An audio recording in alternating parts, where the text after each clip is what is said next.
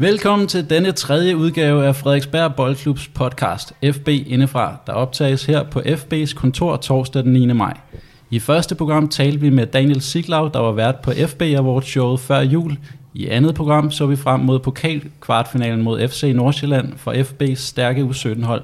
Og i dag har vi så fokus på vores første herreseniorhold, altså klubbens allerbedste fodboldhold på herresiden. Og vi har Frank Jensen i studiet, og øh, Frank, du er ikke øh, overborgmester i, øh, i København, men derimod cheftræner for første senior i Danmarks nu fjerde største fodboldklub. Efter to tiende pladser i de foregående år, ligger I nu nummer 6 i Københavnsserien. Har øh, sæsonen som helhed, både efterår og her indtil videre i foråret, været en succes i dine øjne? Øhm, altså en succes, det er måske lige øh, nogle store ord, eller et stort ord. Øhm, men jeg synes, den er godkendt, helt klart. Øhm, når man overtager et hold i sommerferien, så har man sådan tre ugers tid til at få det hele på plads. Og så, øhm, så, så er den første kamp, der var. Og så kører det bare ud af. Og så har man ikke så meget tid til at træne. Så jeg synes at helt klart, det er godkendt. Og hvis du sådan skal slå ned på nogle punkter, hvad, hvad har været godt, og hvad har været skidt i løbet af sæsonen?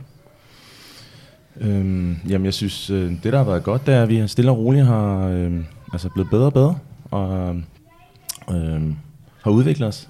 Øh, og ja, det der har været skidt, øh, det er måske, vi lige har manglet det sidste. Altså, hvis man kigger de sidste par kampe, så har vi spillet lige op med topholdene, men mangler lige skarpheden foran mål, for at få et point, eller måske endda tre point. Øh, så det er noget af det, vi skal arbejde på. Lige at blive lidt skarpere, øh, fordi at spillestilen og den måde, vi gerne vil spille på, bliver bedre og bedre. Så det er positivt, rigtig positivt. Og hvis vi, hvis vi tager et kig på stillingen, så er der 8 point op til en, en playoff-plads om, om oprykning. Hvordan ser du chancerne for, for Danmarks seriebold efter sommerferien? Ah, de er nok ikke så store. Øhm, men altså, alt kan jo ske. Vi har jo set øh, de sidste par aftener her, så lige pludselig så vinder det hele, og så, øh, så bliver det rigtig sjovt. Men altså, vi, vi, vi ser, nu har vi en kamp i morgen mod Husum, den vil vi gerne vinde, så, så ved man aldrig, hvad der sker. Så øhm, det er det, vi går efter. Og I skal passe på med at komme foran 3-0, øh, så går det galt? Nej, det tror jeg ikke. Det tror jeg ikke. Så tror jeg, at vi kører den hjem. Med i studiet har vi også øh, dig, Thomas Terkelsen. Du er assistenttræner for Frank Jensen på førsteholdet. Øh, hvordan har du oplevet sæsonen? Oh, jeg er meget enig med Frank egentlig. Den har været godkendt, og vi har haft opadgående formkurve. man kan sige, i i efteråret, der havde vi en god periode i starten, og så sluttede vi lidt skidt af. Men øh, jeg synes, at vi har været opadgående, og vi spiller lige op med, med topholdene. Øhm, og det er noget af det, som vi har kigget lidt på i løbet af vinteren. Hvordan kunne vi dreje på nogle knapper, og så finde ud af at komme tættere på dem. Øh, I hvert fald rent spillemæssigt. Og så synes jeg, at drengene har været gode til at og ikke at falde sammen, som vi en gang imellem havde tendenser til i, i efteråret. Der er vi blevet bedre til at, at stå sammen og så få øh, de point i nogle lidt svære kampe, og så håber vi i morgen, at vi kan slå Husum. Øh, det vil vi i hvert fald rigtig gerne. Det, det er en kamp, vi rigtig gerne vil, vil vinde. Som altid har vi også min øh, faste medvært og ekspert, øh, klubbens daglige leder, Martin Busk med. Og Martin, øh, hvad betyder klubbens første hold for en klub som FB? Jamen, klubbens første hold, lad mig, lad mig vente om at sige, at vi har to første hold, fordi vi går jo ikke op i, i, altså vi går jo meget op i, at vi har ligestilling. Så vi har både vores første dameseniorhold og vores første herreseniorhold. Øh, der er ikke nogen tvivl om, at et første herreseniorhold har en stor betydning for rigtig mange i vores klub. Øh, særligt de lidt ældre medlemmer går meget op i det såkaldte første hold, som jo spiller deres kampe på, på Frederiksberg Stadion, og, og det, er, det er næsten altid et højdepunkt for mange af de, de 40-50-årige plus medlemmer, at man hver anden uge kan komme over og se førsteholdet i klubben. Så, så det er en form for flagskib sammen med vores øh, kvindeseniorhold selvfølgelig. Jeg hedder Morten Kierskov Espersen, og jeres faste vært. Vi optager her dagen før, at øh, første herresenior skal i kamp ude i Husumparken mod nummer 2 fra netop Husum Boldklub. Om lidt taler vi meget mere om klubbens første herresenior, men først skal vi lige høre lidt om, hvad der ellers er sket siden sidste gang, vi sad her i podcasten. Sidste gang vi sad her i studiet, Martin, der lavede vi op til U17 pokalkampen mod FC Nordsjælland. Det var en øh, kamp, jeg desværre selv var forhindret i at dukke op til, men, øh, men det blev den tilskuerrekord, jeg havde håbet på for et ungdomshold her på stadion. Øh, hvordan forløb aftenen? Altså resultatmæssigt gik det jo ikke, øh, som vi havde håbet på. Øh, ikke fordi vi sådan for alvor havde... Vi, altså vi havde drømme, og vi havde også ambitioner om, at vi kunne stille, altså spille op med FC Nordsjælland, men, men vi taber øh, 7-1, og, og den største succes i løbet af aftenen, det var selvfølgelig vores egen scoring, en reducering i anden halvleg, øh, hvor hvor alle de mange fremmødte tilskuere og spillerne på banen og trænerbænken gik, øh, gik amok i en ros, fordi det var ligesom vores succes, det kriterie, det var at score mod dem, og det lykkedes. Og ellers så var det en, øh, det var en god aften. Øh, som sagt, tilskuerrekord 412 tilskuere kom vi op på, da vi talte efter. Og, og det, var, det var på mange områder en succes, men resultatmæssigt så var vi selvfølgelig ud med, med det, vi kan kalde for et brag. Og Thomas og Frank, hvad tænker I om, at, at ungdomshold kan, kan trække så mange tilskuere? Er I lidt uh, misundelige? Ja, meget. Øh, det er vi da. Øh, vi synes, de kampe, som vi har haft, øh, blandt andet på hjemmebane og på udebane mod sådan nogle hold som NB Bornholm og Husum, øh, når der står de der 100-150 mennesker, så kan man godt mærke det, både som spiller og som træner, at det, det er noget andet, end når der står 20-30 mennesker rundt om banen. Det giver bare noget ekstra. Så ja, øh, hvis vi kunne få 200-300 til vores hjemmekamp, så tror jeg, at vi ville blive rigtig glade. Det vil give det der ekstra kick øh, til spillerne, og også til os. Det vil give noget ekstra til kampene. Så ja, helt sikkert. Og hvad siger du, øh, Frank? Jamen, nu er jeg lige over at se øh, første halvleg, og jamen, det, er bare, det er bare fedt at se, at der kommer så mange at bakke op. Øhm, og øhm, ja, som Thomas siger, så betyder det sindssygt meget for spillerne, og også for os, at, øh, at der bare er liv på lægterne. Og øhm, nu skal vi til Husum i morgen, og der ved man, der står altid en masse og fyre romerlys af, og gør, det gør bare lige lidt ekstra. Så det er, det er super fedt. En fed oplevelse. Er, det en øh, berygtet udbane, den der i Husum? Ja, det, det, det tror jeg. Nu har jeg ikke selv været med derude før, men, øh, men det jeg hører, det er, det er sådan lidt berygtet. Det er nogle, øh, nogen, der går op i det. Det er jo også fedt. En vild endetribune måske? Ja, det ja, eller sidetribune, jeg ved ikke, hvad det er. Som jeg sagde i starten af programmet, så er FB nu op som nummer 4 ud af 1611 klubber i kampen om at være Danmarks største fodboldklub. Martin, er det overhovedet et mål at have mange medlemmer, og hvad betyder denne her fjerdeplads for jer? Øh, isoleret set er det ikke, er det ikke et mål øh, i forhold til sådan at skulle lægge os ind på en rangliste, men, øh, men for nogle år siden, der tog vores bestyrelse en beslutning om, at vi skulle være 1800 aktive medlemmer i klubben, og det kom vi igennem i, i 2018, og med de nylige tal her, så, så er vi så rykket op på den her fjerdeplads. Øh, det har den betydning, at, at øh, når vi er så store, jamen, så, så sætter det nogle krav til os som klub, og det skal vi jo forsøge på at leve op til, og det føler vi på mange områder, vi gør. Øh, men, men altså, succeskriteriet er ikke alene, at vi sådan rykker op, og næste år skal være endnu større. Jeg kunne se, at de ligger kun placeret efter BK Skjold, B93 og KB, men øh, til gengæld foran øh, FA 2000 lidt længere nede af vejen. Det gætter jeg på er noget, I synes er lidt sjovt. Med 24 medlemmer mere? Ja, det, det, altså igen, helt ærligt, det, det går vi ikke så højt op i. Om vi er 24 mindre eller, eller flere medlemmer end, end, øh, end vores naboer, og i øvrigt øh, stadigvæk markant efter KB, som jo også er naboer, det, det, det, altså, nej, det går vi egentlig ikke så højt op i. Det, det er mere, at, at vi bidrager til, til Bevæger for Livet, projektet, som jo er, handler dybest set om at få langt flere idrætsaktive i, i, Dan, i Danmark, og og, og kan vi bidrage med så mange som mulige fodboldspillere, så er vi jo glade, fordi så lever vi op til, til noget af det, vi gerne vil, nemlig at stå for at være en fodboldklub for alle med, med masser af kvalitet i det, vi foretager os. Det er vigtigt. Du siger godt nok, det ikke er så vigtigt, men, men der er jo kun 422 medlemmer op til Skjold. Øh, hvor fokuserer I på at få, få lidt ekstra medlemmer ind i butikken?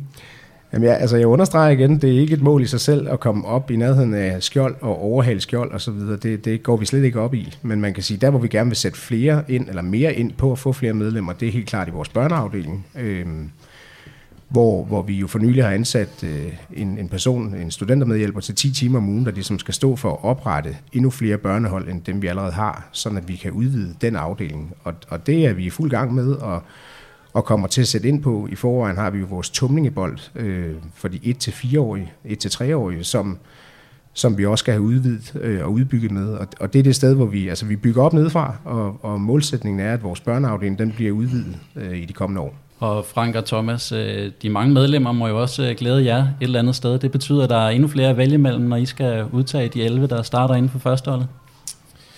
Øhm, jamen, jeg tænker heller ikke, at det er tallet, der er afgørende. Altså, det, er jo, det afgørende er, om man kan, man, man kan bibeholde dem altså, i så lang tid som muligt.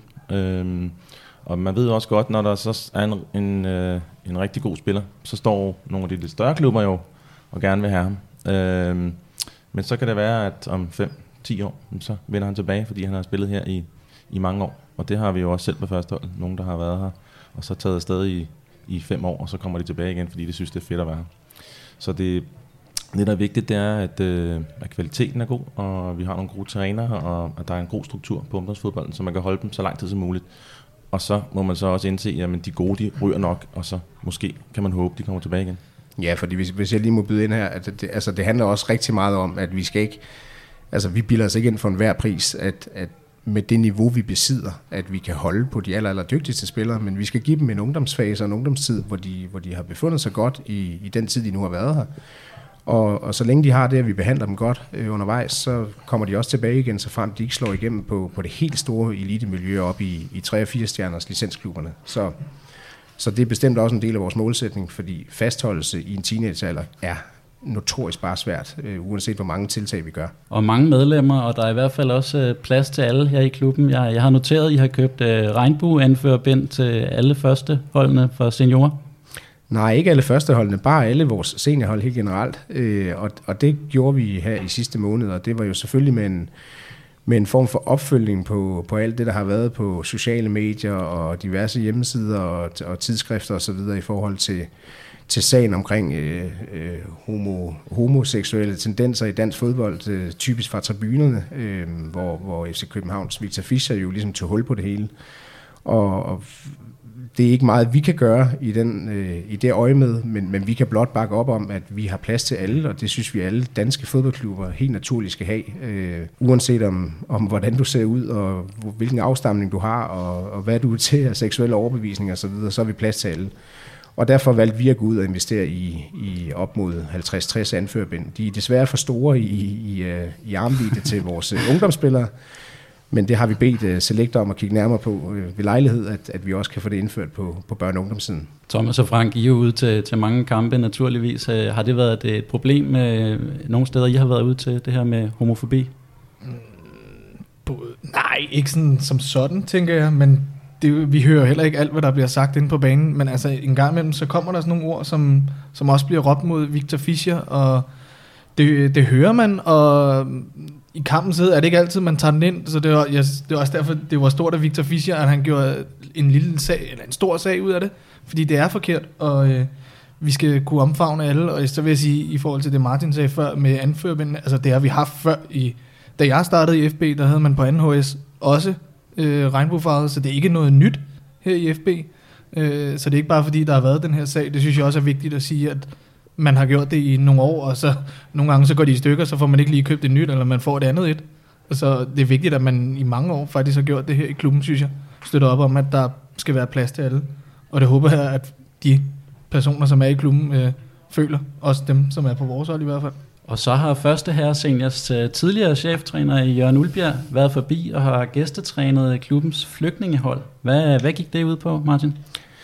Jamen det gik, altså vi har jo et flygtningehold, øh, som er en, en sammenblanding af, af flygtninge, unge flygtninge, i, i samarbejde med DFUNK, altså Dansk Flygtningehjælps Ungdom, og så øh, er, det, er det almindelige danske øh, fodboldspillere, som, øh, som integrerer sig sammen på et hold, sådan at det er sådan cirka halvt fordelt af flygtninge og, og etniske danskere i frivillighedens øje med, og det projekt har vi kørt i en tre års tid, og, og indimellem så, øh, så er det jo sådan i en integrationsverden, at så skal, så skal de jo også blande sig lidt med os andre, og, og derfor øh, lykkes det altså at få Jørgen Ulberg ud øh, til en gæsteoptræden, gæstetræning. De plejer som regel sådan lidt at træne sig selv, og så er det de frivillige danske, der på skift træner, øh, træner spillerne. Og her, øh, her der lykkedes det altså at få Jørgen ud, og, og Jørgen tog sig af dem i en halvanden times tid, inden de så kom ind og hørte en masse røverhistorier fra, fra dengang han spillede i FC København, og, og tidligere i, i, gennem hans professionelle karriere. Og, og det var en, en succesfuld aften, og noget vi gerne vil gentage med andre øh, på senere tidspunkter. Er der nogle af de her spillere fra flygtningehold, flygtningeholdet, der kunne gøre sig gældende på, på klubbens seniorhold? Eller? Det, det skal jeg være ærlig sige, det ved jeg faktisk ikke. Men hvis der er, så, øh, så må vi, øh, vil vi gerne have dem. De kan det. komme og byde sig til. Ja, helt sikkert. Der er aldrig lukket. Og så har nogen måske bemærket, at uh, FB har skrevet en del hollandsk på sociale medier her for, uh, på det seneste. Det er noget med et uh, brede mesterskab til AFC Amsterdam, der i efteråret uh, sidste år blev FB's nye venskabsklub. Hvad, hvad indebærer det, Martin? Jamen det indebærer, at øh, vores bestyrelse tog øh, en tur til Amsterdam øh, sidste efterår, som du siger, for at besøge en, en lignende fodboldklub, øh, med, altså en stor fodboldklub med mange medlemmer, øh, men som ikke nødvendigvis går op i, i den elitære afdeling, øh, som for eksempel deres naboer i Ajax Amsterdam. Og og det var et fint besøg, hvor vi blev meget, meget klogere. De har færre baner, end vi har, men væsentligt flere medlemmer, end vi har. Og de, øh, de gav os gode inputs til, hvordan man kan gøre tingene, hvordan man kan træne, hvordan man kan bygge det op i forhold til, til faciliteter og de krav, der så stilles. Øh, så det var, det var et hyggeligt besøg. Det var en del af en strategiweekend, så det var ikke kun et besøg hos dem, men, øh, men, men det, var, det var spændende at være ude og høre om, om en anden form for, for fodboldklub, men med nogle store visioner for, hvordan man, man bygger fremtidens fodbold op. Det var, det, det var man kan sige, det, det, er en, det er en lidt anderledes tilgang, de har til tingene. Deres bestyrelsesmedlemmer, de er, de er meget synlige og meget aktive, og, og der er ikke så mange ansatte, som vi efterhånden er ved at komme op på herhjemme. Frivilligheden bærer mere dernede bestyrelsesmedlemmer, der mødte op i deres faste øh, jakkesæt med, øh, med logo på osv. Det gør de nærmest dagligt dernede, og det er, en, det er en anden måde at drive en fodboldklub på, men men fyldt med ildsjæle, øh, men selvfølgelig anderledes, end, end vi gør det i Danmark. Og så alligevel var der mange gode input, som vi kunne tage med os hjem og arbejde videre med. Øh, og samtidig så blev aftalen så bare, at vi, vi går også hen og bliver venskabsklubber, og skriver lidt sammen en gang imellem, og det kan være, at vi en dag igen skal på besøg dernede, og det kan være, at de kommer en tur op til os. Og kunne der være nogle spillere, der kunne skifte til FB's første hold, eller er det ikke med i aftalen? Ja, det er ikke med i aftalen, og jeg vil sige det sådan, det er nok nærmere omvendt, hvis det skulle være, fordi de, de har nok, må jeg indrømme, øh, de ligger i det, der hedder Tvate Division dernede, og, og de har nok et højere niveau øh, mål på førsteholdsfodbold, end vi har. Når det så er sagt, så kunne det være spændende at møde dem en dag øh, i, en, i en test- eller træningskamp på et tidspunkt. Ja. Hvem ved, måske i træningslejr, en overgang. Sidder ikke og lover noget, men øh, det kunne jo være, at I skulle en tur ned, eller de skulle herop. Det vil vi meget gerne. det lyder godt. Og som, øh, som sidste punkt i, hvad der er sket siden sidst, så øh, skal vi selvfølgelig også have den månedlige update på, øh, hvordan det går med kunstgræsbanerne. Øh, der har været en del øh, regn her i marts, og en del tørke i april, og nu har vi lidt kulde i, i maj. Bliver banerne klar til 1. august, eller hvad, hvad er status på de nye baner, Martin? Det er, at de bliver klar Øhm, måske ikke lige frem 1. august, men så 15. august. Det er i hvert fald den seneste melding, vi har fået. Og fra på mandag, altså i uge 20, der, der starter man med at bygge nogle elementer ned øh, over på, på de eksisterende, eller over mod de eksisterende kunstgræsbaner, hvilket betyder, at at det nuværende forholdsvis høje hegn, der står derovre, jamen, det bliver reddet ned, og så kommer der kun et to meter højt hegn op i stedet for. Og, og det er i dagstimerne, så det går egentlig ikke ud over træningen i, i hverdagstimerne, men det er i hvert fald øh, de næste 4-5 uger, det står på. Så det, det følger omtrent tidsplanen. Og, og med hver vind i betragtning, og det bliver sommer nu, så, så skal det nok gå. Vi åbner, de åbner på den anden side af, af sommerferien. Nok om, hvad der er sket siden sidst. Nu skal vi tale meget mere om klubbens første herresenior, og til det formål har vi altså cheftræner Frank Jensen og assistenttræner Thomas Terkelsen i studiet.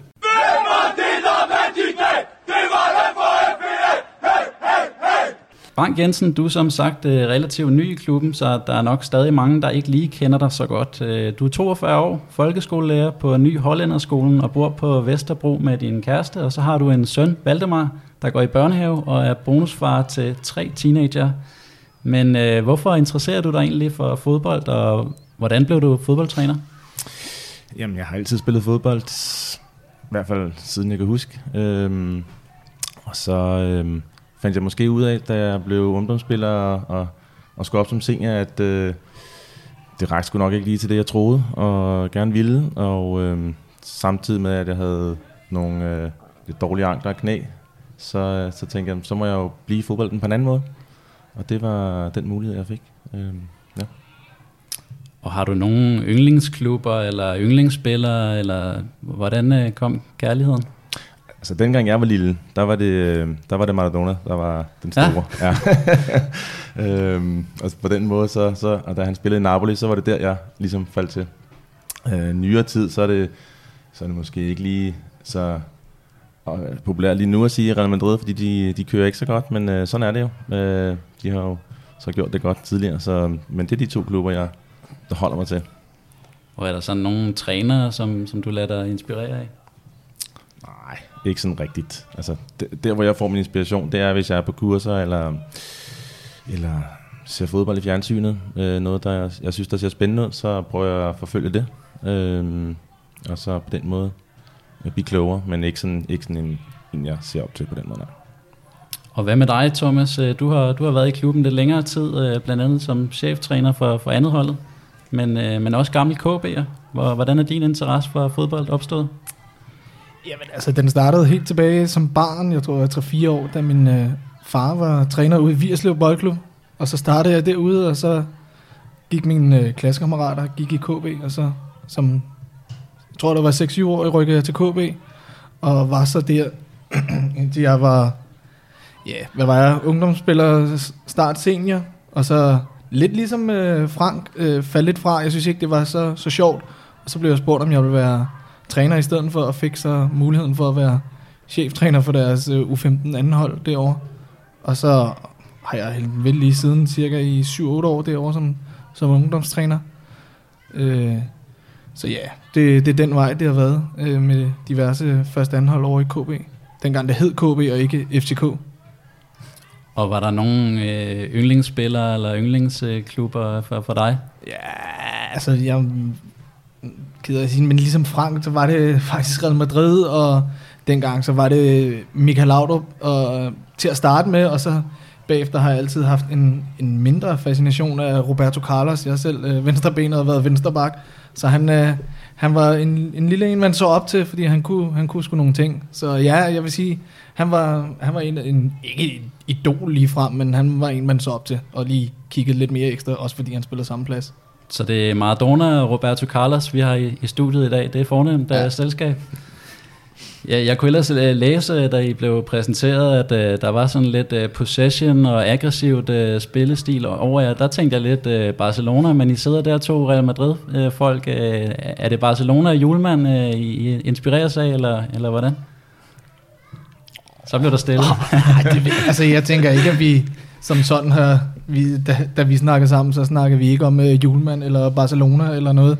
Vi snakker om den form for fodbold, som vi godt kan lide, og samtidig også tænkt, at vi kunne, kunne præstere med, med det hold og i den klub, vi er i, og så har vi snakket, og det var i juli måned, vi snakkede og startede to uger efter, vi havde snakket sammen første gang, øh, en måned efter måske, og så øh, er det den vej, vi er gået, øh, og vi har fulgt den, vil jeg sige, hele vejen, også øh, bygger videre på det, som vi snakker om dengang, og det tror jeg mere har været det vigtige, i stedet for at når det er gået lidt nedad, så skruer vi på en hel masse knapper og, og sadler om. Jeg tror, det vigtige er, at vi kører en vej og gør det, som vi snakkede om i, tilbage i juni måned sidste år. Ja, og, og som Thomas siger, det, altså, vi bliver nødt til også at kigge på, hvad vi har af spillere. Altså, man kan godt være fascineret af Barcelona, hvis man synes, det er flot og lækkert. Men så skal man også have nogle spillere, som er i den stil. Og det, det siger jeg ikke, at vi ikke har, men, øh, men, øh, men vi, vi prøver at finde vores stil. Ja. Og du startede i, i sommer. Hvor, hvorfor ville du gerne være træner her i FB? Jamen, øh, jeg blev kontaktet af Martin, øh, og øh, som hørte lidt om, om det kunne være interessant for mig. Og øh, så gik jeg selvfølgelig lidt i, i de overvejelser og, og forhørte mig lidt øh, om, hvordan øh, mit netværk, om de kendte noget til klubben. Og så bor jeg, har jeg jo selv boet på Frederiksberg og arbejder på Frederiksberg, så jeg kender også en del, som, øh, som spiller har, eller har været tilknyttet klubben. Og der fik jeg bare mange gode øh, øh, tilsagn om, at det var en, en god klub, øh, en hyggelig klub og en stor klub. Øh, så derfor så besluttede jeg mig sidst, at jeg synes, det var, det var et fedt tilbud at få. God mulighed. Og hvordan har det første øh, næsten år i klubben så været? Det har været rigtig godt. Meget positivt. Altså, jeg er blevet taget godt imod af, af, af mine medtræner og spillere og klubben. Øhm, det har været, ja, det har sgu været rigtig, rigtig godt. Meget positivt. Er der nogle særlige episoder, du vil, du vil fremhæve, eller? Uha, der fangede du mig lige der.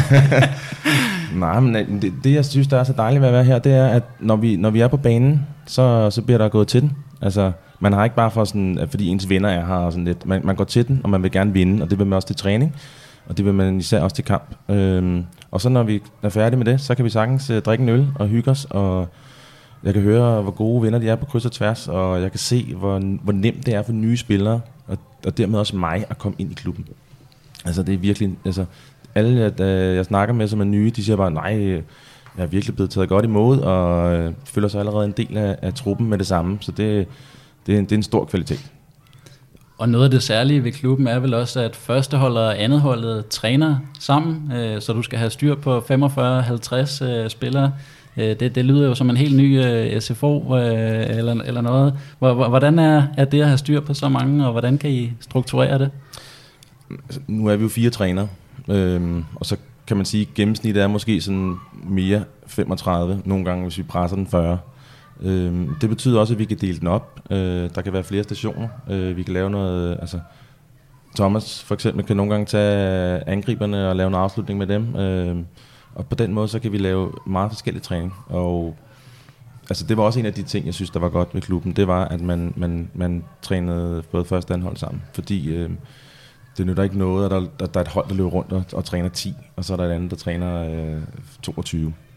Ja, det, det er fuldstændig åndssvagt. Øh, så det, det synes jeg er virkelig en virkelig god ting, at man træner sammen. Og, øhm, er det noget, du har prøvet i dine tidligere klubber, eller er det helt nyt for dig? Nej, jeg har prøvet en lille smule. Øh, men jeg har også prøvet det andet, hvor at, øh, man stod med de der 22, og så stod der 10 over i hjørnet. Og næste gang, så stod der 8. Og til sidst, så stod der ingen. Øh, så det er, det er rigtig, altså, det, det, det er en rigtig vej, synes jeg. Øh, I hvert fald for en klub som FB. Og så kan man sige, at de har været vant til det. Altså, de er, der har været et... Øh, Altså jeg overtog et, et godt træningsmiljø. Altså Jørgen og, og de andre trænere havde gjort det rigtig godt, så, så det var ikke noget, der skulle bygges op. Øhm, så det kørte allerede på forhånd, så det har, det har, det har været nemt, og en, øh, jeg synes, det er en god måde at gøre det på. Og heldigvis har du jo også øh, Thomas Terkelsen ved, ved din side som assistent. Han var tidligere chef for, for andet holdet. Hvad, hvad har det betydet for dig at have, have ham ved din side? Det har stor betydning. Altså, Thomas han, han kender spillerne, og når man kommer udefra, og man har tre uger så er der første kamp, så, så er man ret presset, hvis man skal igennem 45 spillere. Øhm, så han, han ved en masse ting, som jeg ikke ved. Så det, det har jeg selvfølgelig brugt rigtig meget øh, tid på at, at forhøre mig hos ham. Øhm, og så samtidig så er han øh, fagligt dygtig person, og så er han øh, super behagelig at træne sammen med og være sammen med. Og snakke med, når vi har øh, vores lidt nørderi inde på kontoret. Så, øh, så er der en, en god stemning. Øh, hvad, hvad er det, I nørder om? Ja, det er jo lidt, hvordan vi vil spille, øh, hvem skal spille, og, og så videre. Altså, der, der, og de to andre er selvfølgelig også med. Øh, men, øh, men det betyder meget at have en, der kender klubben, kender spillerne, og så som samtidig også ikke bare kan fly, øh, flytte kejlerne, men også kan, kan bidrage med en masse på fodboldbanen. Og Thomas, øh, hvordan har det været for dig at være assistenttræner for førsteholdet? Ja, det har været spændende. Øh, det har været noget andet end at være cheftræner. Som sagt var jeg cheftræner øh, i to år øh, for 2HS, og var også en spændende periode, øh, og var med til at, ligesom at starte den her periode med, at først 2HS øh, trænede sammen. Øh, og det har, været, det har været sindssygt spændende at være med fra starten af og se, hvordan det her har udviklet sig til, at vi faktisk er de der 35 på en god dag, 35-40 spillere, nogle gange lidt mindre, men det giver virkelig noget, og det giver noget til omklædningsrummet, at man er så mange. Det giver noget til, til weekenderne. Og så det her med at blive assistenttræner for, for Frank, giver også noget fagligt, fordi man skal se øh, nogle andre ting. Man skal ikke træffe de helt øh, samme beslutninger, som man skal som øh, cheftræner, men man skal være med til at, at se nuancerne og give gode råd, men man behøver måske ikke at træffe øh, den, øh, den sidste beslutning, blandt andet i forhold til, hvem der lige starter inden, og og hvem vi skal have med, men det der med at kunne give øh, Frank alle mulighederne, og, så vi har været rundt om den. Og det, det synes jeg er også selv var fedt, når man, havde en, når man har en god assistenttræner. Det der med, at man, så glemmer man ikke nogen, man, man får det hele med, også øh, i forhold til, hvordan vi skal spille og så videre. Så øh, ja, det har været en rigtig, rigtig god periode. Og nu hørte vi, at du også nogle gange kunne tage angriberne til noget skudtræning eller sådan. Hvad, hvad føler du sådan selv, din, din rolle er? Det er meget forskelligt. Øh, Øh, det kommer an på, hvordan vi strukturerer træningerne. Øh, det er meget forskelligt. Det kommer også an på, nogle gange, øh, så har vi træner også et, øh, et, et, et liv ved siden af, som, øh, som spillerne også har. Så nogle gange er vi tre, nogle gange også to, fordi vi har også nogle møder og så videre, vi skal gå til ved siden af, som der også skal være plads til. Så det er meget forskelligt. Øh, det er fedt, at det der med, at vi kan variere mellem at, at tage en possession-øvelse, eller man tager et interval, eller man tager en skudøvelse. Det er alt efter, hvor mange spillere vi har, og hvor mange træner vi også er. Så det der med, at vi kan variere, og så komme med sin input til, hvad man er. Men, men det der med, at vi har en overordnet plan, hvad det er, vi gerne vil, vil træne øh, fremadrettet, også i det næste stykke tid, er, er vigtigt for os, så man ikke bare, så vi ikke bare går i 20 forskellige retninger. Det skal også være meningsfuldt i forhold til det, vi gerne vil med holdet, og den retning, vi gerne vil gå. Men det er ikke sådan ligesom i Superligaen, at assistenten tager dødbolden Jo, og, jo, jo, jo, jo, jo, jo, jo, jo, jo, jo, jo. Jeg står for, øh, for dødboldene. Øh, det gik rigtig godt her i, øh, i, i vores træningskampe. Der scorede vi relativt mange mål og var rigtig farlige. Det blev lidt... Ja, vi er blevet lidt mindre farlige. Eller vi scorer i hvert fald ikke lige så meget. Øh, men defensivt har det set rigtig godt ud. Men jo, det er mig, der står for den del. Og det synes jeg er fedt. Men der kan man virkelig også sidde og nørde. Og der er i forhold til lidt mere... Altså, man, man bliver mere inspireret, tænker jeg. Altså, jeg har gået en gang med at se nogle YouTube-videoer for blandt andet FC Midtjyllands kampe, for at se, hvad er det for nogle ting, de gør, fordi de scorer relativt mange mål. Og det er det der med at nogle løbemønstre, man kan se, også fordi man kan, man kan godt gøre det, altså når man prøvet fire i streg, så efter fire kampe, så kan man prøve at arbejde med noget nyt. Og det, det er fedt, at man, at man også får det frirum, og det får jeg lov til at franke, selvom vi selvfølgelig øh, snakker om det. Altså, mm. vi snakker også om, hvad, hvad tænker han i forhold til det i hvert fald. Og som, øh, altså, du er også velkommen til at komme til mig og låne et, øh, et login til LFC TV, altså Liverpool Football Club, fordi Ja, det, det det, er jo, jeg. det er jo det mest succesfulde hold i, i Premier League i den her sæson, mål på, på dødbolde, som der bliver scoret på. Så, så det er også en mulighed. Jeg siger det bare. Du, Ja. du kan altid låne. Mange tak, ja. det vil jeg gerne have. Det sender du bare på mail. Ja, men I taler selvfølgelig også med, med, de, øh, med andeholdstrænerne Peter Jensen og den her assistent øh, Morten Sigård. Øh, Hvordan fungerer det samarbejde? Mm, det fungerer rigtig godt. Øh, vi har øh, heldigvis, eller det, vi har vores, vores lille rum, som vi kan sidde i og nørde, og det gør, at vi kan inden træning og efter træning kan sidde og snakke sammen, så vi ikke øh, går i øst og vest, eller skal snakke ud på banen, inden vi møder. Øh, så det gør også, at vi kommer før tid, øh, en halv til en hel time, alt efter dagene, og kan sidde og snakke om øh, træning og sidste kamp og evaluere sådan, så det gør virkelig, at øh, det gør noget, og det gør noget for samarbejdet, og det skal man have. Øh, eller man skal ikke, men det vil jeg sige, det er en god ting at have, når man er to trupper sammen. Fordi det, det gør, at man kommer rundt om hele truppen, også selvom man måske ikke lige var med til anholdets fordi man spiller samme dag, men det der med, at man får feedback fra hinanden, det, det er sindssygt vigtigt. Og jeg har også en øh, holdleder, der er meget navnkyndig her i, øh, i, i klubben, øh, Jon Cavaniero. Øh, jeg ved ikke, øh, hvilke aner han har, men øh, han lyder international. Det er han også. Han er en flot fyr, og, øh, og Jon er, altså, det, det, det er det eneste, jeg er blevet enig med, med mig selv om, at jeg skulle huske at skrive ned et eller andet sted, det er Jon. For uden Jon, så fungerer det her overhovedet ikke. Øh, Jon er her øh, halvanden til to timer, inden vi er, og halvanden til to timer efter vi er gået. Og øh, han sørger for, at alt bare spiller for, både for spillerne, men også for os trænere. Han er med til alle udekampe, hjemmekampe, alt hvad der overhovedet kan... Øh, altså jeg tror, han er mere i klubben, end han er derhjemme, eller på arbejde. Så altså, han er sindssygt vigtig, og det, det ved Martin også, tror jeg. Så, altså der, vi kan ikke, øh, selvom Jon bliver ved med at sige, at han er væk øh, om et halvt år, det siger han altid. Men øh, det, det, det kan Martin heller ikke selv, fordi så bliver det alt for dyrt at drive sådan en her klub, fordi Jon han laver så mange ting ud over at være holdleder. Altså hvis der er nogle øh, lamper, der ikke virker, eller hvad det er, eller vandet det ikke fungerer ordentligt, så prøver Jon lige inden, øh, og han får det 9 ud af 10 gange til at fungere. Så han er, han er en sindssygt vigtig, altså han er en klubmand med, altså det, det er FB's hjerte, der banker der, det, det er der ikke nogen tvivl om. Ja, jamen, det, det er jeg helt enig i. Og, og nu skal han ikke for meget ros, men, øh, han- men, men han får meget ros, og han, han er virkelig dygtig altså, til sit arbejde. Og øh, hvis man ikke har sådan en, så fungerer holdet heller ikke. For han gør rigtig meget for spillerne. Også selvom han skiller dem ud, for det gør han. Øh, og vi får også nogle gange skideball, men det er fint nok. Han, han gør sindssygt mange ting. Så øh, for at det hele skal fungere ude på banen og på banen nogle gange også, så, øh, så er det bare sindssygt vigtigt med sådan en mand. Ja, fordi han, han hjælper faktisk også til på banen øh, til træning en gang imellem. Hvis vi kun lige har tre keeper, så hiver han lige handskerne på og, og er gerne med. Det er også vigtigt for os, øh, så vi nogle gange kan få gennemført nogle træninger, uden at en af os, som faktisk ikke kan ud af at stå på mål, stiller os ind. Så det, han er sindssygt vigtig. Han lyder som en, vi skal have som gæst i et senere afsnit. Ja, jeg tror, han, øh, Jørgen Ulbjerg kan fortælle rigtig mange røverhistorier, men Jon han kan også fortælle rigtig mange, tror jeg. Okay. Frank, du har tidligere været øh, cheftræner i Sjællandsserien i Herlev og kom senest fra et job som cheftræner i BK Stefan i Serie 2. Hvordan er det anderledes at være her i, øh, i FB? Mm, det er ikke, der er ikke en kæmpe stor forskel på øh, B73 Herlev. Det, der var også, øh, altså, det var også en, en, en social klub, men som, som, øh, som også øh, var seriøs, når vi var på banen. Øh, så der, der, der er nogle... Øh, nogle ting, man kan i hvert fald sammenligne mellem de to klubber. Øh, Stefan, den kan man ikke helt sammenligne. For det første så ligger det længere nede. Altså, de spiller i C2, og altså, der var det jo sådan, at vi nogle gange stod 10-12 til træning. Så øh, det, var, det var mindre sjovt, vil jeg sige. Så det, nu er så det er også derfor, jeg er så glad for, når vi står 35 på banen. Så ja. bliver man helt glad, øh, og man kan, man kan gøre så mange ting. Det er, det er lidt sværere at, at gøre noget med, med, med, med 12 spillere.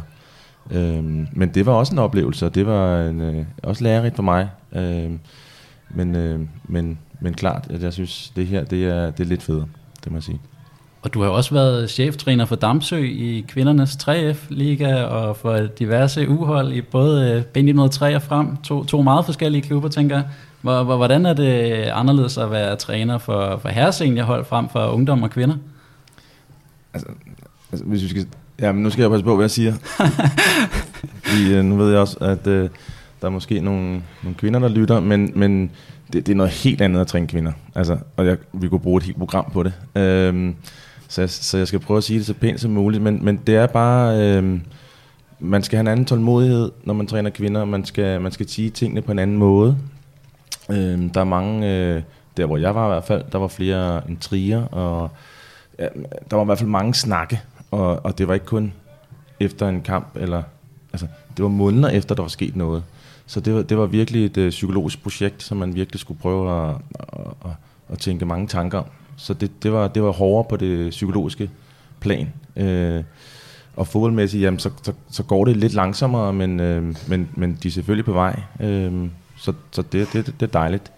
Men, øh, men det var noget helt andet end herrefodbold. Der kan man, nok, kan man godt give en skideballe og så er det glemt en halv time efter. Her, her der, kunne det, der kunne der gå nogle gange måneder, før de ville snakke ting. Ah, det er sådan groft, ikke? Men, men, men også sådan internt var der også, var der også ting, som gjorde, at de nogle gange ikke engang ville spille hinanden, fordi så var de lidt sure på hinanden. Det, det sker ikke. Det har jeg ikke oplevet her øh, på herresiden. Det lyder godt med, med harmoni, trods alt, i, i FB på herresiden. Ja. Øhm, mange forskellige slags trænerjob, du, du har haft. Hvad, hvad er sådan dine ambitioner på sigt? Min ambition er at være her i FB lige nu, og det er det, jeg har fokus på. Øhm, om hvad der så sker om, om to år, fem år, det ved jeg ikke. Altså, jeg har ikke sådan sat mig et mål. Jeg er rigtig glad for at være her, og det er der, jeg har mit fokus. Øhm, så, så, og det passer rigtig godt til min, øh, altså, min livsstil, skulle jeg til at sige. Men, øh, men apropos det, jeg har trænet ungdom, der træner man 3-4 gange om ugen. Det passer ikke så godt, når man får, øh, når man får børn og sådan. Så ikke i mit, min optik i hvert fald. Så er det bedre, at det er lidt færre gange. Men stadig seriøst, og det frirum, jeg har her til at gå ud og, og gøre det, jeg elsker. Øh, så hvad der sker om fem år, det, det tør jeg ikke at sige. Men, men jeg er rigtig glad for at være her, så det er det, jeg har fokus på. Ja. Og man kan også sige, at øh, FB kan jo også rykke længere op i rækkerne, øh, så hvis du bliver i klubben, kan, kan det blive Superliga en dag, det, det ved jeg ikke. Men hvis man kigger på sæsonen, så, så lagde I jo ud med en række sejre, både ved sæsonstart i sommer og ved, ved forårsstart. Hvor, hvordan ser I sådan chancerne for komme længere op i systemet på, på sigt? Det kommer an på så mange ting. Altså lige nu, der har vi rigtig mange gode spillere, synes jeg, og øh, en, en stor trup. Øh, og, og hvis vi kan blive ved med at udvikle det, og, og spillerne bliver, og måske kommer der nogle flere end der også, mm, så er der mulighed for at, at rykke det. Øh, men, men, men alt skal hænge sammen. Så, så, så, så lige nu, der, der passer KS rigtig godt til FB, synes jeg. Øhm, men om, om det så om et år eller to er noget andet, fordi at vi har udviklet os endnu mere, og måske er der kommet nogle spillere, og jamen, så, så må vi tage den derfra. Og Thomas, I, I havde jo muligheden for, for andenpladsen før topkampen mod Tornby, øh, som I så tabte. Var, var I begyndt at drømme lidt om den oprykning, eller hvordan? Nej, det var vi ikke. Vi var ikke begyndt at drømme. Vi, jeg tror, vi har været realister hele vejen igennem, og, og har set, at det var sjovt at være, altså det er sjovt at være deroppe. Øh, Det tror jeg alle vil, som har været med i gamet, ved, at det er sjovt at være være om, fordi det giver nogle, nogle fede kampe, og det var, Tornby-kampen var også en fed kamp. Men vi kan også godt se, at nu har vi tabt til, til topholdene her de seneste par kampe, så det gør også, at vi er bevidste om, at vi mangler øh, nogle procenter øh, her og der, især i felterne, til lige at kunne afgøre kampen. Men det, det har vi faktisk været ret bevidste om, tror jeg. Det har ikke været en ambition om, at vi skal op nu her. Det er truppen som sådan ikke gearet til øh, øh, på længere sigt. Øh, det tror jeg ikke vil være sjovt for, for os eller spillerne, øh, hvis vi rykker op nu og her øh, I hvert fald ikke lige som jeg ser det. Der, er- der er nogle af spillerne, der har joket med det, ikke? og så er der nogen, måske en enkelt, der har troet på det, og ment, ment det seriøst. Men det er så også det, tror jeg. Ja, Okay. ingen, ingen nævnt, ingen glemt. Det, det har jo så også været tre nederlag øh, på det seneste, dog med en pokalsejr i mellemtiden. Hvad, hvad er sådan gået galt på det seneste, hvis man kan sige det? Har, der været, har det været marginalerne, eller skaderne, eller karantæner, eller har der været fødselsdage, der har givet afbud, eller, eller hvordan? Ja, der er i hvert fald nogle bryllupper, men øh, det må anføreren selv, øh, selv lægge ord til på et tidspunkt. Øh, ej, jeg synes, øh, jeg synes faktisk, vi har spillet rigtig god fodbold øh, i perioder, og spillet lige op med dem, som ligger i top 3 øh, KFUM sidst, øh, taber vi 2-1. Men jeg synes faktisk, i store perioder af kampen er vi klart med, og også øh, bedre end dem, synes jeg, øh, mens vi stadig er realister. Øh, men vi får ikke lige øh, prikket de bolde ind, som de gør. Jeg tror, de har to og en halv chance at score to mål. Vi har tre-fire chancer, score et mål. Altså, det, sådan er det i topkampen. Det er så ligegyldigt om du er på ungdomssiden, øh, eller om du er på kvindesiden, eller på herresiden. Altså, når, når det er topkamp, når du spiller mod topholdene, så skal du være god i felterne. Og det har vi jo også set de sidste par dage. Dem, der scorer på sine chancer, de går også videre i Champions League. Så er du god i felterne, så, så, så, så vinder man kampene. Ja, og så tror jeg også, at, at øhm, altså i forhold til i forhold til efteråret, hvor vi havde stor udskiftning næsten hver kamp, det var sådan 4-7 spillere, vi skiftede ud til hver kamp, så har vi været lidt mere stabile i, i foråret. Dog her på det sidste har der været så de der fire, fem spillere, som måske ikke kunne øh, den ene kamp, og så kunne de den anden kamp. Det gør bare, at, at, at man, man ikke øh, får de samme rutiner, og det hele kører bare på skinner. Øhm, så det har selvfølgelig også betydet lidt, men jeg, jeg synes også, at vi lige har manglet det sidste. Altså, det er rigtig ærgerligt, fordi jeg, vi, jeg mener seriøst, at vi spiller op med, med Tornby. Vi spiller op med KFM. Vi er rigtig uheldige at tabe til B03, øhm, hvor vi også burde vinde. Men sådan er det bare nogle gange. Så, så, så glemmer man lige pludselig, at i starten der vandt vi lige, og det kørte bare ud af. Så har man kun fokus på det negative. Man skal bare lige huske, at, at vi har også gjort det rigtig godt, og vi skal lige vende tilbage, og, og det gør vi i morgen ved at, ved at, få, øh, ved at få tre point. Og man taler jo meget om det her table of justice og expected goals, og det lyder også som om, det har været lidt stolpe ud. Måske øh, er 6. pladsen øh, en færre placering for jer, eller hvordan sagde I det? Jeg vil sige, at over hele sæsonen, så er det måske egentlig, altså, som Frank selv siger, når, vi, når man i, i, i efteråret øh, skifter ud på 5-6 pladser i, til stort set hver kamp i de sidste, i de sidste 5-6 kampe, øh, så er det svært at ligge højere end, end, end nummer 6. Men når vi så ser, hvordan vi har arbejdet hen over vinteren, øh, så synes jeg egentlig godt, vi kunne have fortjent at ligge en, en smule højere. Men øh, igen, altså, tabellen lyver ikke, øh, så sådan er det. Men øh, vi, skal have, vi skal have nogle sejre her øh, øh, til sidst på sæsonen, og det tror jeg også, vi er gearet til, og det tror jeg også, at, øh, at drengene er gearet til, at man, der skal lige gives lidt ekstra i, i felterne nu her. Og hvad, hvad var målsætningen egentlig, inden I startede på sæsonen, og hvad var målsætningen i, i vinter, hvis den var ændret? Jamen, Jeg, jeg, jeg blev også spurgt i vinters, hvad målsætningen var, og øh, sådan, sådan helt kort, så, og sådan lidt øh, kedelig, den er at øh, vinde den næste kamp. Ja, I er Så- inspireret af så, Wozniacki. så, så det, det, det er røvsygt, men, men øh, jeg, vi har ikke sat sådan en målsætning om, at vi skulle komme i top 4, eller vi skulle have så mange sejre. Vi har snakket meget om det, om vi skulle sætte en målsætning op, og hvordan vi gør det, men øh, vinde den næste kamp og komme så højt som muligt, altså det er sådan lidt kort og kedeligt fortalt, kan man sige. Ja, så havde vi måske også en større øh, målsætning om i efteråret, at der var flere, der skulle komme til træning, og vi skulle være mere kontinuerligt, altså de samme spillere med til hver kamp. Og det har vi sådan været lidt mere gunstige af her i foråret. Men nu igen kommer der nogle afbud og sådan noget, men sådan er det jo. Og det er også derfor, vi ikke sådan ser os selv i DS også, fordi så har du ikke råd til at skifte ud på 5-6 pladser øh, hver anden kamp i et, øh, i sådan forår her med masser af bryllupper og hvad der ellers er. Konfirmationer. Og målet for, for resten af foråret, det var at vinde lidt, øh, lidt ekstra kampe og slutte godt af. Øh, der, der er også en pokalturnering, hvor, meget- hvor meget satser I her? Ja, den, øh, den satser vi på. Altså, øh, vi vil komme så langt som muligt. Det er altid sjovt at måske at, at, at møde et hold, øh, siger jeg bare anden division, første division, hvad ved jeg, Superligaen, hvis vi drømmer helt vildt. Øhm, så, så, så langt vi kan, og det er at vinde den næste, og så øh, ser vi, hvad der sker i tredje runde. Øhm, og hvis man vinder den også, så, så, så begynder det at blive rigtig sjovt. Så, så langt som muligt, men det er klart, nu spiller vi, øh, nu spiller vi på tirsdag, og det gør vores anden hold også.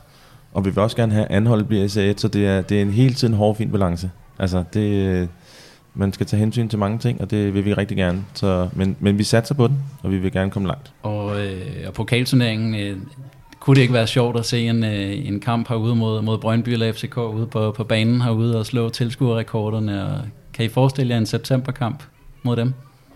Ja, jeg kan sagtens forestille mig det. Altså, det vil være rigtig sjovt. Hvem vil I helst med? Ah, så tager vi FCK. Og, også fordi, hvis jeg lige må sparke ind, altså, så har vi også muligheden for at sælge kampen, så vi kan få den flyttet i parken, og i stedet for at tjene masser af penge på det, frem for, for Lille Frederiksberg Stadion i det henseende. Ikke? Hvis vi prøver at kigge lidt mere på, på den trup i Rødovre, øh, kan I prøve at sætte nogle ord på truppen? Øh, Thomas, hvad, hvad er det for en trup i Rødovre? Åh, det er, det er en, øh, jeg snakkede faktisk lige tirsdags med en af spillerne om, at det er en, øh, en trup med en god alder. Øh, vi har, jeg tror, at den ældste er 33, og så bag, bagefter dropper vi ned til, til de 30, tror jeg. Og så de næste, de ligger de der 7-28, og så ned efter. Så vi har faktisk en, en relativt ung trup, synes jeg. Og det gør jo også, at man kan se perspektiver i det over de næste sæsoner, men igen, altså, vi kan jo ikke kigge ind i krystalkuglen og sige, at alle bliver. Øh, så er der nogen, der skal tilbage til Jylland, og der kommer nye fra Jylland af, og nogen, der vil prøve sig på højere niveau, eller lige pludselig bliver, øh, bliver forældre. Sådan øh, er livet jo også, og så tænker de, at så har de ikke tid til at træne to gange om ugen. Øh, så altså, jeg vil sige, det er en rigtig god og harmonisk trup. Øh, det kan vi også se, når der er nogle, øh, nogle sociale arrangementer. Så vil folk gerne komme, og de vil gerne prøve at prioritere det så meget som muligt. Og det, det er faktisk det fedeste. Men altså, der, der, er god, øh, der er god harmoni mellem dem, som der virkelig knokler og røvner af bukserne, og så har vi nogle teknikere. Og, øh, så ja, jeg synes, det er en god, øh, en god trup. Man snakker, man, man snakker om de der 25, 50, 25 skal man have. Og det synes jeg egentlig, øh, at vi rammer meget fint. Altså en af de ting, jeg lagde mærke til, det har jeg også sagt, det er, altså, det er sammenholdet. Der er et virkelig godt sammenhold i, i truppen. Altså begge hold imellem. Øh, og det er sindssygt vigtigt, i, i min bog i hvert fald. Og så, øh, så arbejder de rigtig hårdt. Men en anden ting, jeg også har lagt mærke til, så er det faktisk øh, nogle intelligente spillere. Det er ikke altid, man møder et fodboldhold, som, hvor intelligensniveauet er rimelig højt, og det er det her, synes jeg. Og det betyder også, at man kan snakke fornuftigt med dem, og man kan snakke mere fodbold måske, end bare sådan øh, på det lavere plan. Så det er, det er rigtig rart.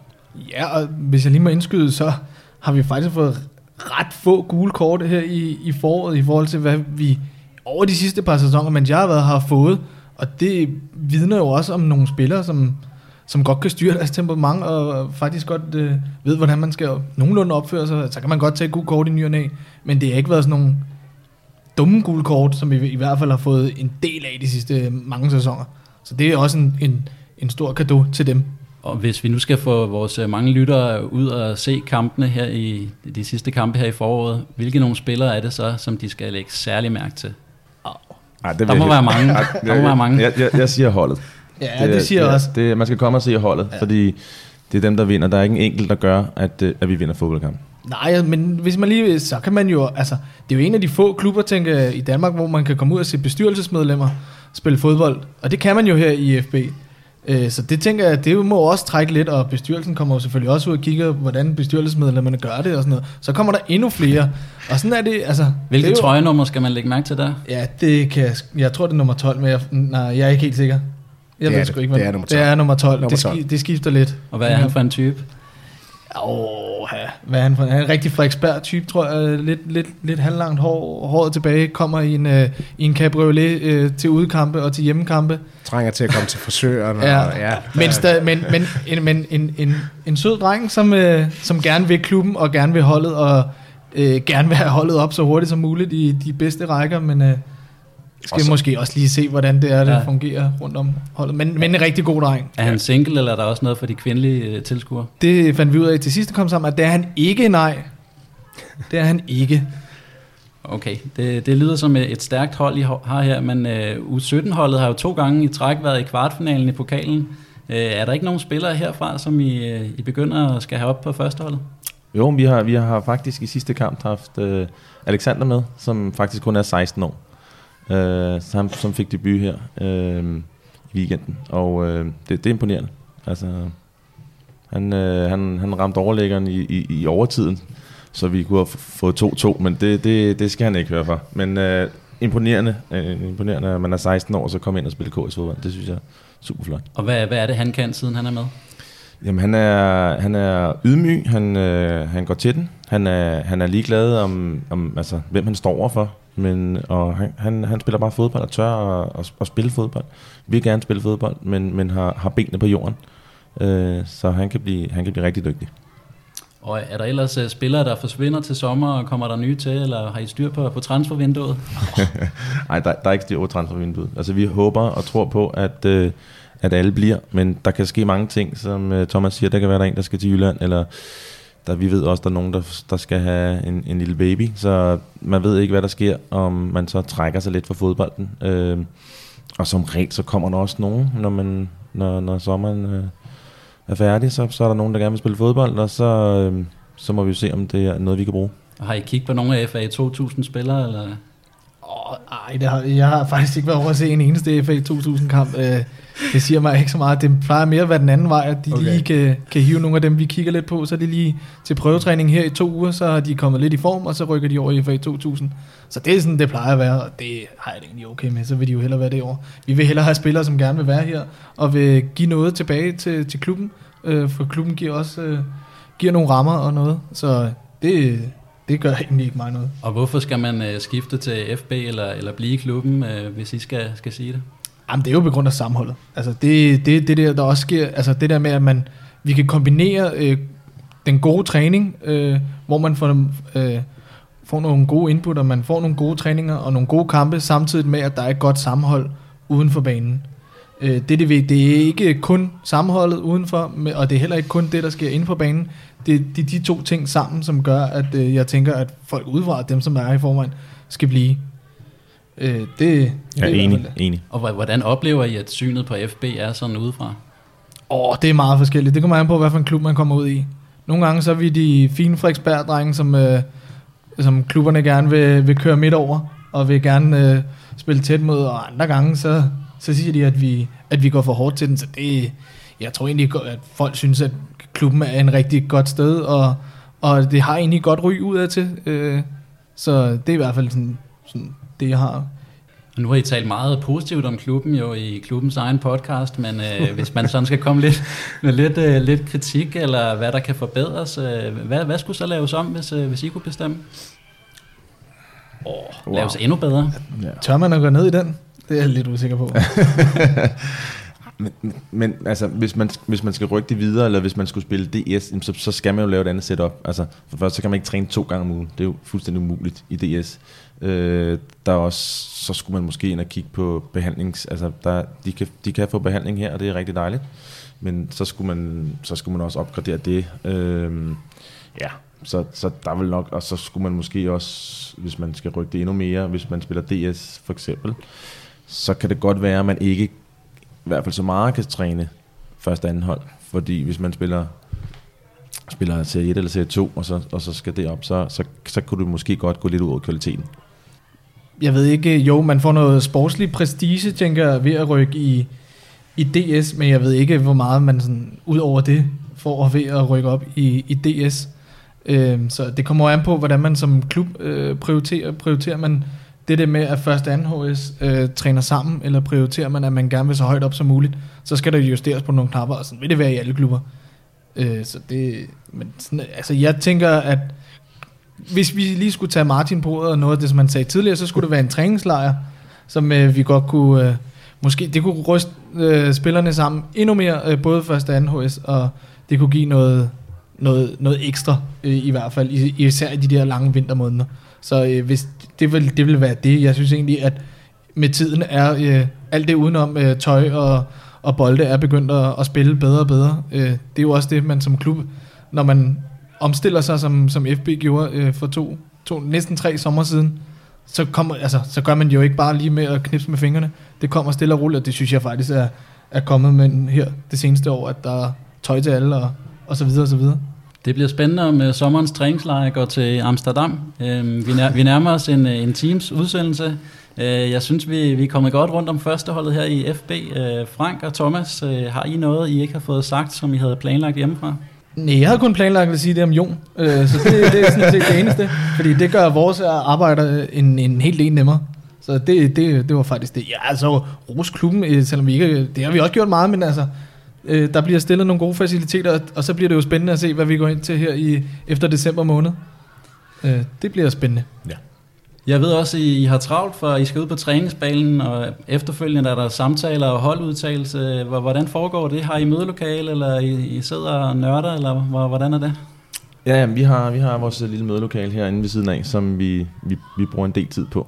Øhm, og der kommer der også nogle gange nogle spillere op, og, og vi fire trænere sidder og snakker de sidste ting igennem, så, så vi har styr på det til, til de næste par kampe.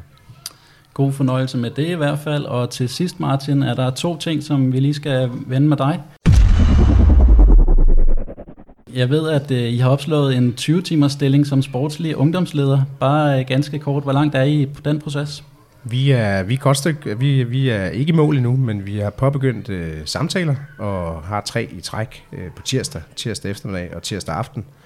Og, og det er tre gode kandidater, som er tilbage i det felt, så vi er optimistiske med hensyn til at ansætte øh, en ny sportslig ungdomsleder her per, per den 1. juni. Og derudover ved jeg, at øh, i overmorgen afholder I en klubdag for børneafdelingen, og om aftenen for de lidt ældre børn i ungdomsafdelingen. Hvad, er- hvad er klubdag, og hvorfor holder I det?